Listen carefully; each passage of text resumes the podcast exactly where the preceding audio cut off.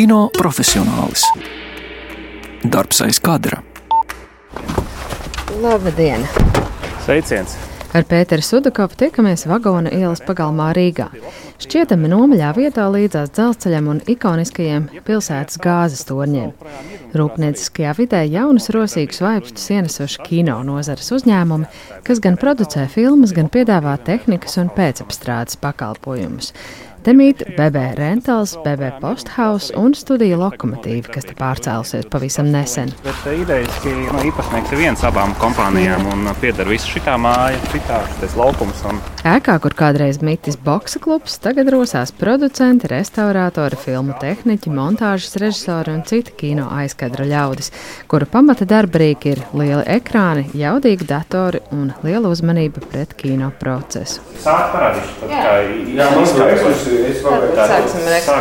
Pēters Sudakovs ir piekritis izvest klausītājus nelielā ekskursijā pa filmu studijas telpām un dažām ļoti svarīgām kino aizkadra profesijām, par ko skatītāji parasti izlasa tikai titros, bet kuru darbs parasti ir ilgākā kino tapšanas daļa.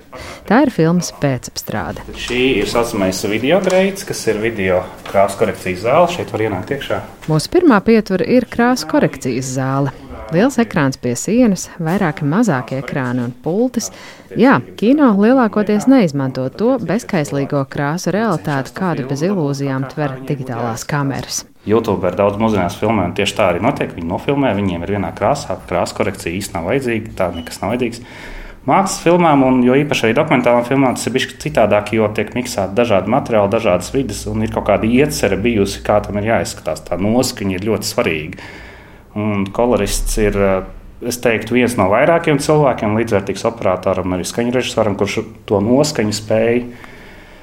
Es nevaru teikt, pastiprināt, es teiktu, diezgan bieži noteikti, ka viņš arī iedod to noskaņu, kas ir nepieciešama. Un tas ir tāda lieta, ko nu, tur ļoti ezotēriski varam runāt par to, kas ir kādos toņos, ko, bet uh, koloristam ir tas uzdevums atkodēt, kas tajā filmā ir un kā izcelt to, kas tur ir vajadzīgs un varbūt notušēt kas nav nepieciešams. Tāpēc kolorists ir cilvēks, kurš ir.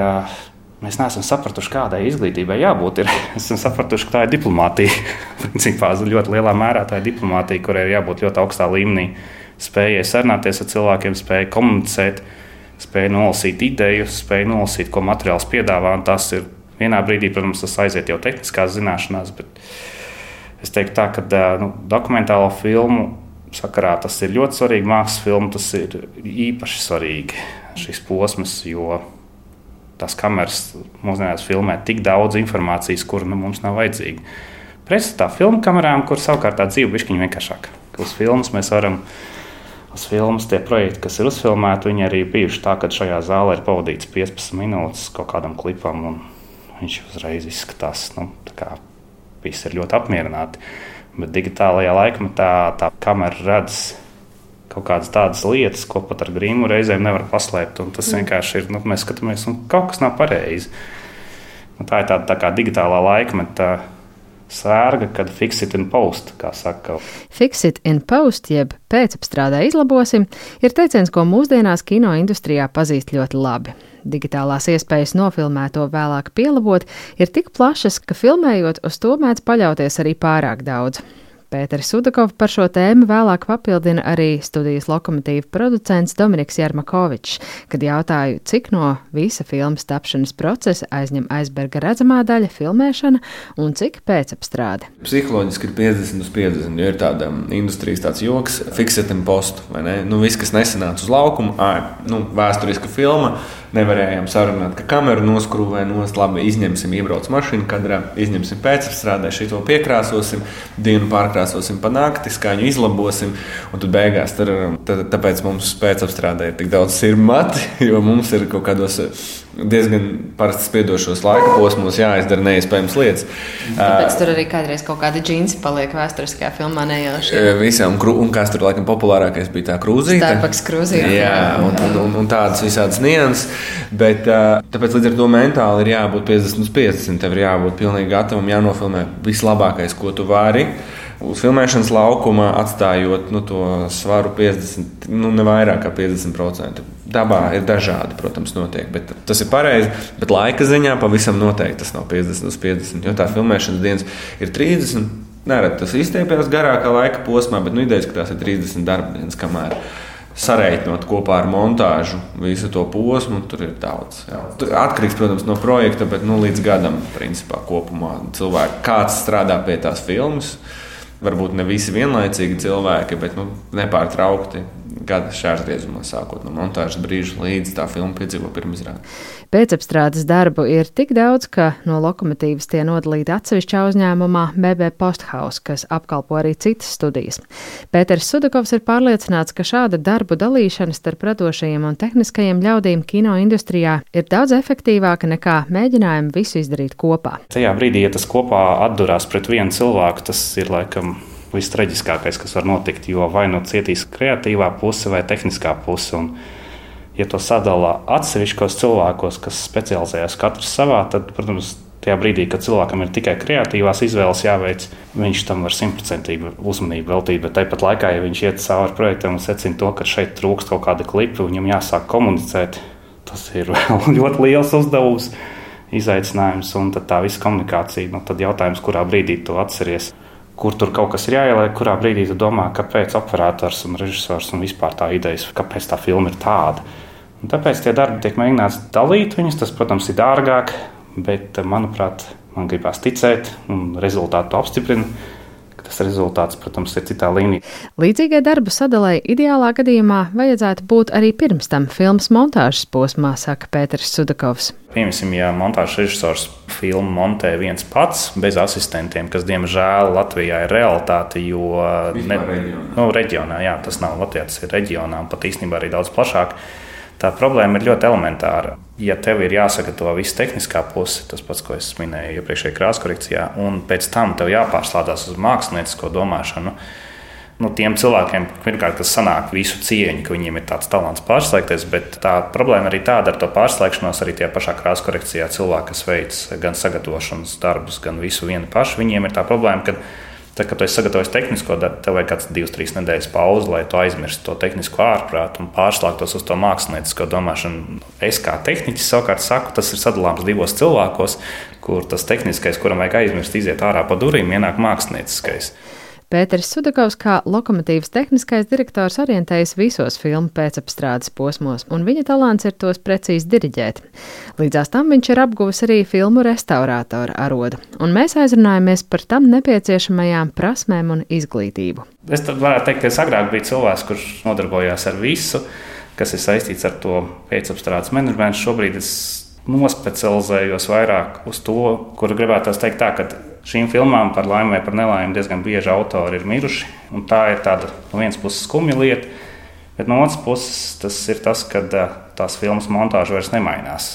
Tas man personīgi likās ļoti svarīgi. Tas nozīmē, to, ka mēs sākam darbu, mēs to darbu varam zināmā mērā mēģināt organizēt tādā ideālajā versijā, nu, tad attiecīgi redzēt, kas tur tālāk notiks. Jo jaunajām filmām diezgan bieži ir tā, ka tā, tiek parādīta versija vai divas, un vienkārši paiet laiks. Un, objektīvi iemeslu dēļ ir jāmaina montāža, vai jāsaīsina, vai jāaizstāj kaut kas. Un tā problēma tajā brīdī radās ļoti daudz sarežģījumu, kuru dēļ ir ļoti grūti arī nu, asistentiem deleģēt darbu, iemācīt to darbu pareizi izpildīt. Jo pēkšņi viņam ir jāmenedžē ar ļoti daudz izņēmumu gadījumiem, kuram viņš vienkārši tajā brīdī nav pilnīgi necik gatavs. Nu, Pēters, būdams pieticīgs savā latviešu dabā, nevar godīgi atzīties, ka īstenībā tas, ko viņš dara, ir ir tur viss, nu, ne tikai teiksim, restaurācijā, bet lokomotīvē un nu, BB posthausā pēcapstrādes mājā, tur visu tehnisko aizmuguri. Un viņš ir tas cilvēks, kas sevī apvieno racionālo un objektīvo ar iracionālo un subjektīvo un neprognozējumu hausu. Viņš ir tas cilvēks, kurš zina, katru ciparu, katru principā, programmēšanas kodu, kas ir jebkurā. Nu, varbūt es nedaudz pārspīlēju, bet es drīkstu piepušķot par maniem kolēģiem kaut ko pateikt arī vairāk, bet viņš zina katru kodu un katru darbību, kas ir aiz nu, tiem saucamiem visiem algoritmiem, kas filmas restaurē un padara viņas atkal dzīves. Un tāpat laikā viņš arī nu, ļoti jūt līdzi tam autoram un tai neparedzējumai pusē, kas ir kino, kas ir vis, visi putekļi, visi graudi, ko tu nekādā veidā nevari ne ar kādu aprēķinu saprast. Un viņš to visu ir spējis apvienot kopā un arī Tas atspoguļojas arī šajās telpās, kur mēs sēžam. Šis ir, ir arī viņa gara darbs, vai ne? Šis varbūt ir tāds starposms starp to, kur mēs gribam nonākt vēl nākotnē, bet teiksim, padarīt to reāli, ka mēs varam būt šeit, sadarboties, ka šie departamenti var komunicēt tīri praktiski savā starpā, sazināties, vai ne? Visi serveri, visas datu pāriešanas, kas ir nu, milzīga apjoma vispār. Tāds darbs un prasa, manuprāt, ļoti specifiskas zināšanas. Nevar būt vienkārši IT cilvēks no malas. Viņam ir jābūt izpratnē par kino. Un uh, pēc tam, nu, precizē man, ja es esmu aizmirsis un sajaucis, bet nu, pamat izglītība tev bakalaurs taču bija operatora mākslā. Ja? Jā, operatora māksla, bet man tas nu, aizmugurē tas vēsturiskais stāsts, kad es tomēr sāku ar datorgrafiku un automātiku RTU, kuru man ieteica nomainīt Luīs Fonteins no visiem cilvēkiem. Tas vienkārši ļoti vēsturisks stāsts, kas un kāpēc, bet tāpēc kaut kādā veidā Fonteins man pārlika uz tām sliedēm, kas ir smieklīgas studijas lokomotīvas kontekstā.